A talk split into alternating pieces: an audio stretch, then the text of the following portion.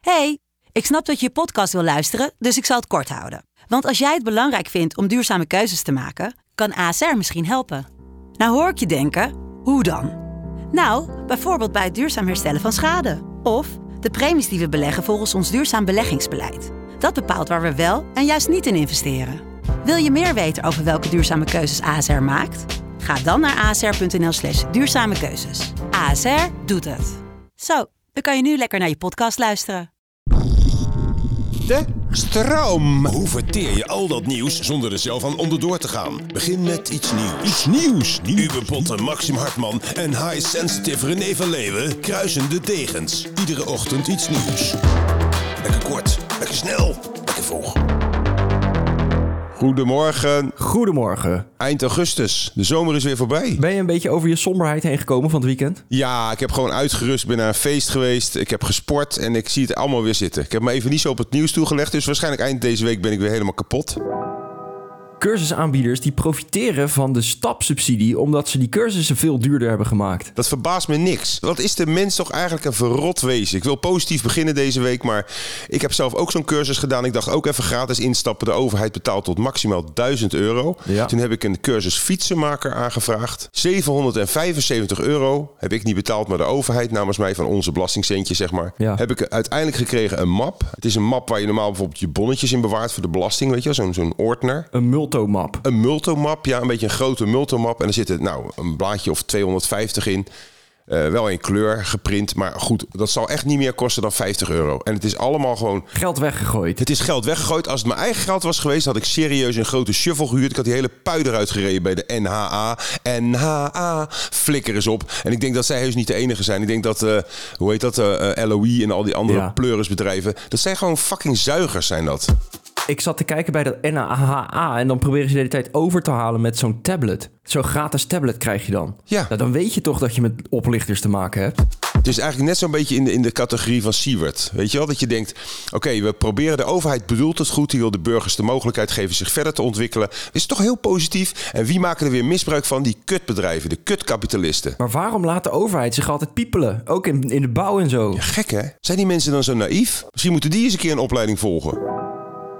Wijnboeren in Bordeaux vrezen dat hun wijn rokerig gaat smaken door alle bosbranden. Ja, er zijn echt enorme branden geweest. Hè? Ja, in de regio Ik heb jou er niet vaak over gehoord, maar het is echt, het is echt extreem, die branden daar. Gironde. Denk je dat gero- ik denk dat gerookte wijn wel smerig is. Dat het een beetje zo. Ik vind gerookte vis gaat nog. Je hebt gerookte zalm, Ja. paling, gerookte bokking, gerookte makreel. Dan denk je nog oké. Maar gerookte wijn? Ik heb een keer wijn gemaakt eh, in Zwitserland voor een filmpje. Oh. En toen gingen ze om 11 uur s ochtends, nou oké, was het 12 uur, gingen ze aan de lunch. En dat was dan die eh, kaasfondue. Oh ja. En aan de wijn, hè, om 12 uur s middags. Is toch lekker man. Nog nooit zo misselijk geweest. Ik ben sowieso pro wijn en anti bier. Waarom? Is het niet ontwikkeld genoeg voor jou? Nou, het is ook een beetje te plat, het is een beetje te volks. Maar ik heb ook een keer een eh, wetenschappelijke test gedaan. Ik zal het kort houden. Ik ben drie keer met dezelfde vrouw naar bed gegaan.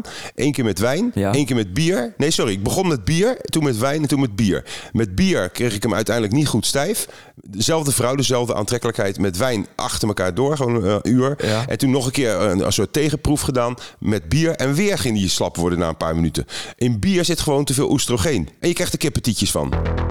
Het Britse rioolsysteem, dat is er zo slecht aan toe dat Franse stranden onder de poep dreigen te komen. Ja, dat is nog uit het Victoriaanse tijdperk, hè? Zeker. Het, het, het komt ook door de droogte en dan plensbuien dat ze het niet meer aankunnen, dat riool. Dan moeten ze het lozen. Ik denk eh, dat het sowieso zonde is om je stront te lozen. Ik vind het nog steeds heel raar, want in deze tijd waar energie steeds duurder wordt, de gasprijs is weer met 25% gestegen vannacht, is het belangrijk dat we onze stront ook omzetten in energie. En dat kan, hè? Je kan gewoon je eigen septic tank aanleggen hè, als je beneden woont. Ja. Als je dat niet hebt, en, en, of je werkt veel, kan je ook een heel klein septic tankje meenemen als een soort boterhammetrommeltje. Daar bewaar je je stront in, er zitten ook bacteriën in, en die zetten dat om in energie. En dat sluit, daar, daar laat je je telefoon aan op of andere dingetjes, je speeltjes. Poepen voor een betere wereld. Emiel Ratelband die is voor de negende keer vader geworden. Godske leren. Hij is 73 jaar oud en staat natuurlijk bekend als positiviteitsgoeroe. Wel knap hoor, dat je dan nog steeds... eh, nou ja, goed, je zaad blijft waarschijnlijk ook tot na je dood nog wel even vruchtbaar, hè? Na, na je dood, bij jou wel denk ik ja. Op jouw graf zullen er hele grote bomen groeien. Eh, Op mijn grafsteen staat voor altijd stijf. De kleine heet Maximus Aurelius Frans Rudolf Willibrord. Oh. En is eh, gezond geboren in het Thaise Hua Hin. Ik, ik kan wel raden wie die genoemd is. Willy Bord naar Willy Bord Frikin. En dat is een vriend van hem. Ja. Hij had ook veel respect voor mij, dus daarom is de eerste naam Maximus. Denk je dat echt? Ja, denk ik wel. En Rudolf is, eh, denk ik, naar Peter R. de Vries. Het zijn allemaal sterke mannen die hij eh, heeft gegeven. En wie is Frans dan? Frans-Duits? Nee, eh Frans, eh, hoe heet het ook weer? Timmermans. Nee, niet Timmermans. Hoe heet nou die ene zanger? Die Kamper. Oh ja, nee, dat mag je niet zeggen. Ik ben er met de dood bedreigd, moet ik kamper zijn, dumpert eten. Oh, die Zigeuner. Hoe heet die nou? Met die frikandelletjes. Frans Bauer, Bamiappen. Frans Bauer, ja.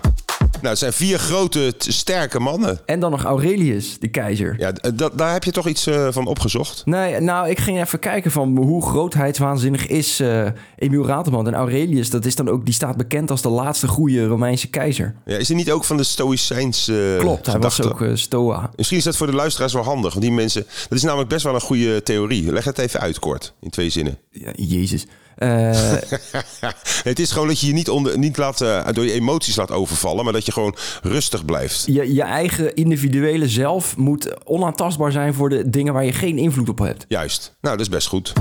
Ik vind het wel een, een spraakmaker geweest, die man. Met zijn tjaka. Het is geen saaie man. Ik bedoel, hij heeft heel veel over kritiek gehad. En hij heeft ook rare dingen gedaan.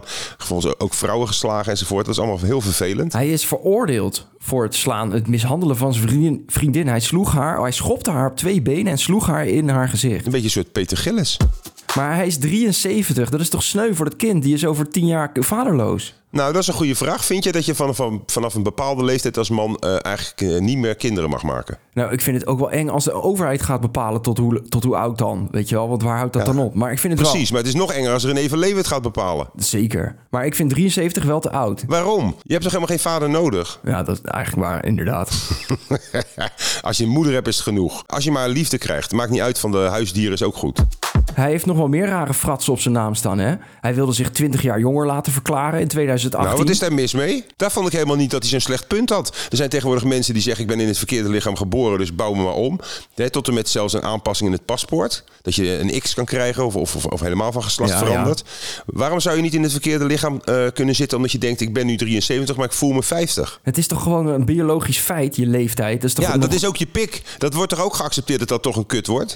Ik begrijp ook niet waarom dit nog aandacht in de media krijgt en nu ook bij ons. Waarom? Ja, t- waarom is het nieuws? Maar sowieso is dat best een goede filosofische vraag. Waarom is het nieuws nieuws? Ja. Want eigenlijk is het nieuws eh, is al oud op het moment dat je het bespreekt. Want alles wat nog moet gebeuren is nog niet bekend, is nog geen nieuws. En al het nieuws is eigenlijk oud nieuws, kan in de kattenbak. Tjaka! Tjaka!